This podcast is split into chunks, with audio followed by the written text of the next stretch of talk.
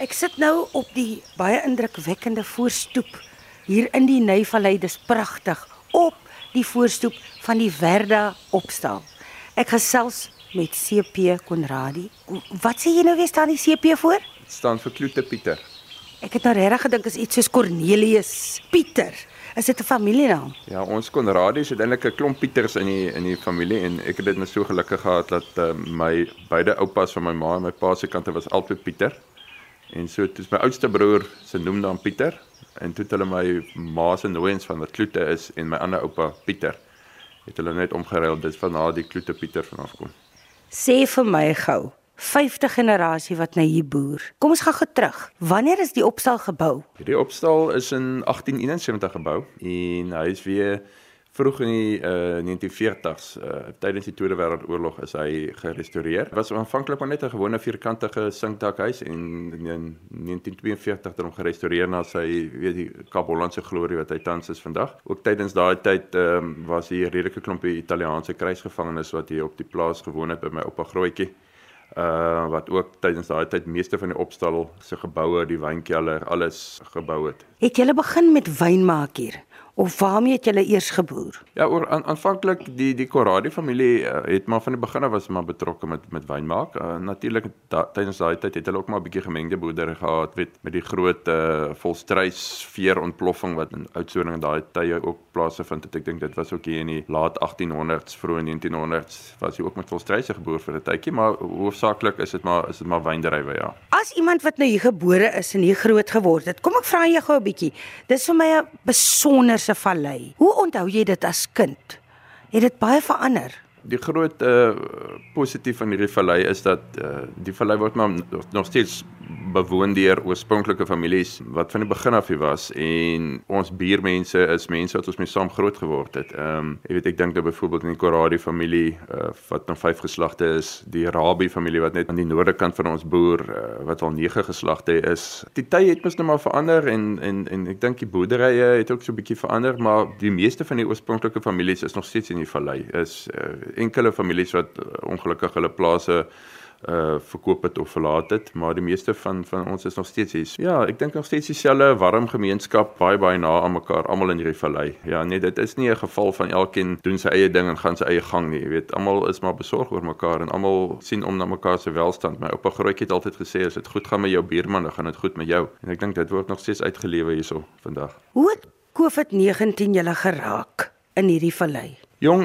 soos ek sê hoofsaaklik is die vallei maar 'n wyn wynvallei. Uh, en ons almal weet mos nou wat die impak van COVID op wyn was. Ek dink die feit was dat dat ons nie op 'n sekere stadium selfs wyn mag uitgevoer het nie en dan ook nie wyn mag verkoop het nie. Dit het definitief ons 'n groot impak gehad, maar ons almal het maar vasgebyt en deurgedruk en ons is amper aan die kant uit. Nee, dit het maar eintlik maar enorme impak gehad op ons, ja. Hoe wil jy dit vorentoe vat, hierdie Konradi naam, sodat jou kinders dalk ook kan boer eendag in dise kinders en dise kinders. Dit is 'n warboel van gedagtes wat deur mense kop gaan met elke dag as jy operasionele ding op die plaas doen, die besluite wat jy moet neem, uh partykeer verkeerde is, partykeer regtes en so aan. As jy in 'n boerdery is om te dink dis idillies en dit dit is iets wat kom ons sê dan 'n massaker vir geld maak, dit is nie die geval nie. Dit is dit is eintlik maar net 'n leefstyl wat ons wat ons wil oordra na die volgende generasie. Wat kan jy my vertel van jou oupa? Onthou jy jou oupa grootjie of was jy te jonk? Nee, my oupa grootjie kan ek uh, kan ek glad nie ek hy was hy's lank voor my geboorte is hy oorlede. So by oupa grootjie maar weet hy was 'n baie gesiene man gewees in in hierdie area maar ook in die breër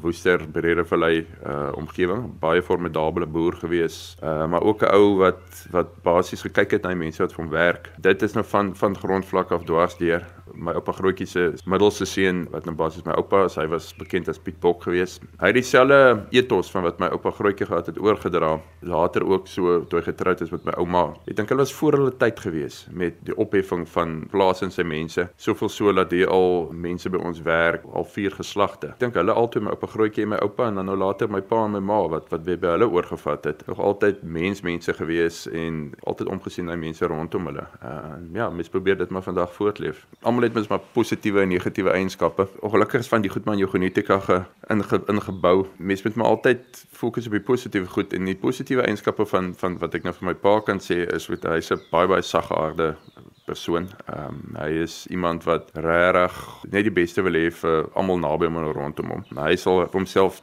derde, vierde, selfs vyfde plaas. Mens probeer maar dit uit te lewe as as sover jy kan. Soos ek sê my my oupa was 'n redelike formidabele man geweest, baie baie bekend. Hy's eintlik 'n baie groot legende geweest in die omgewing. Goeie besigheidsman geweest. Ehm um, so ja, ek dink as mens daai goed kan saamvat En natuurlik my ehm um, pa se ma wat op 'n baie jong ouderdom van 58 oorlede is. Ek het haar geken. Ek was so, sjoe, dink ek is net 84, maar ek was 5 jaar 5 jaar oud gewees. Ek dink my pa het die sagge aardheid van haar gekry, maar sy was ook 'n baie groot Christen gewees en haar ja, haar lewe het maar rondom dit gedraai. Oupa Bok, né? Nee? Hoekom het hulle hom Bok genoem?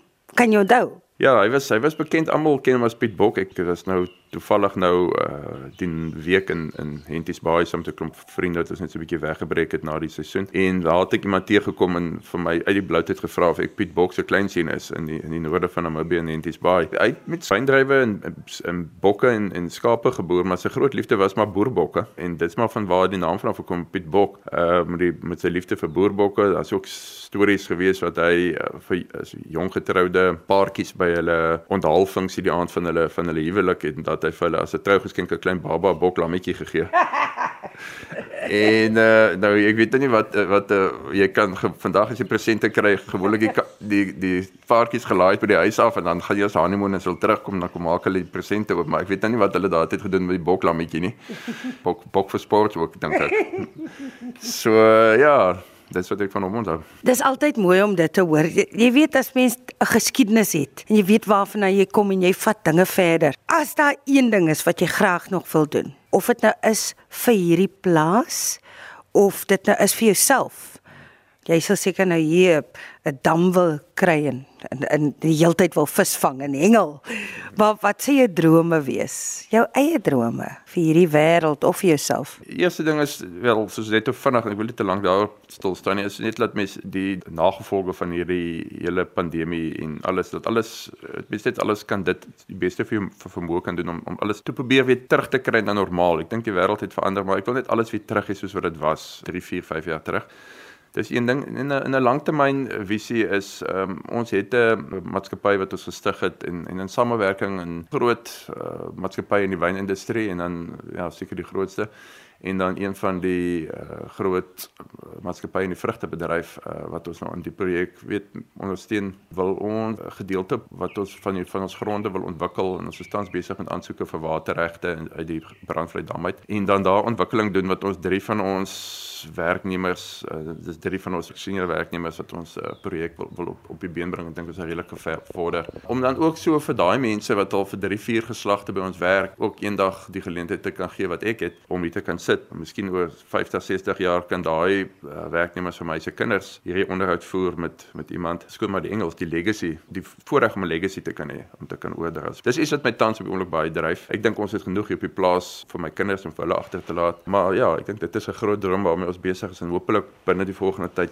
sal dit sal dit verwesenlik word. Ja. Ek ek sien jy het nou lekker gaan kop skoon maak, nê? Nee? Op Henties baie gaan jy gereeld net om te hengel oupa was ook 'n groot hengelaar geweest. Ek ek hou van ek hou van van hengel. Ek is nou nie 'n uh, vreeslik uh, elke naweek langs die viswater nie, maar dit was dit was 'n geleentheid saam met 'n groep spesiale vriende wat al van skool en van Stellenbosch, Elsenburg se daar af kom. Ehm um, en ons het ons het elke jaar uh, het ons gaan gaan jag, ons baie lief vir jag en en weet as ons het net vir jaar besluit ons gaan 'n bietjie gaan gaan hengel. En ja, dis dis spesiaal en dit is spesiaal om sulke vriende te hê om dit met te kan deel. Sê gou wat het jy geleer by ehm um, jou oupa dalk? Jy weet iets wat nou in jou kop vasgesteek het waar volgens jy steeds leef? Is eintlik twee goed. Die een ding, my oupa as klein seentjie, ek was ook maar 10 jaar oud toe hy oorlede is, maar eh, dit het nog 'n redelike impak op my op, op my gemaak. Ons het as kinders as ons fiets gery het en ons ons fietsse op die gras gelê of laat buite lê in die aande en so aan, dan het hy dit gevat sonder dat ons weet en dan gaan wegsteek binne in 'n stoor iewers bo, bo in 'n dak en opgehang en dan het ons altyd my pa of kon vra maar waar is die fietsse want ons het dit dan dan sou sou my pa sê weet en dan my dit is na my oupa toe gegaan om te vra waar waar dit is en dan het hy sê nee, hy weet dit is gesteel, dis weg.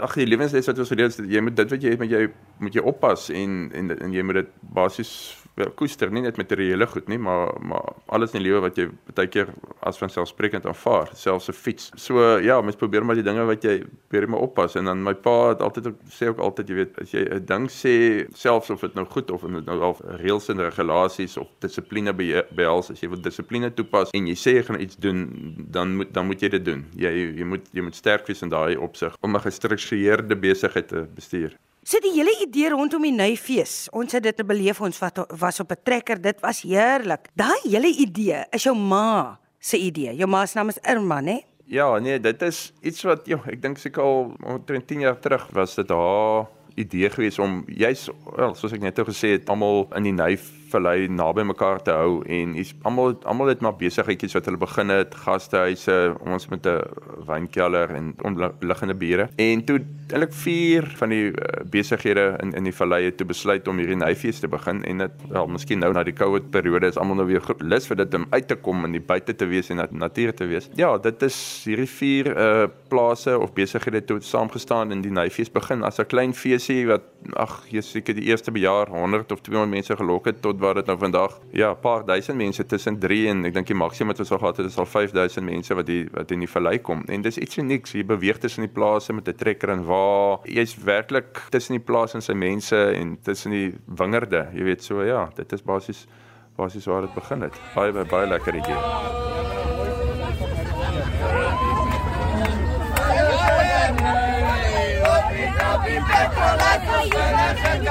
Hey, hey! Vomita, pimento, nachos, fuera,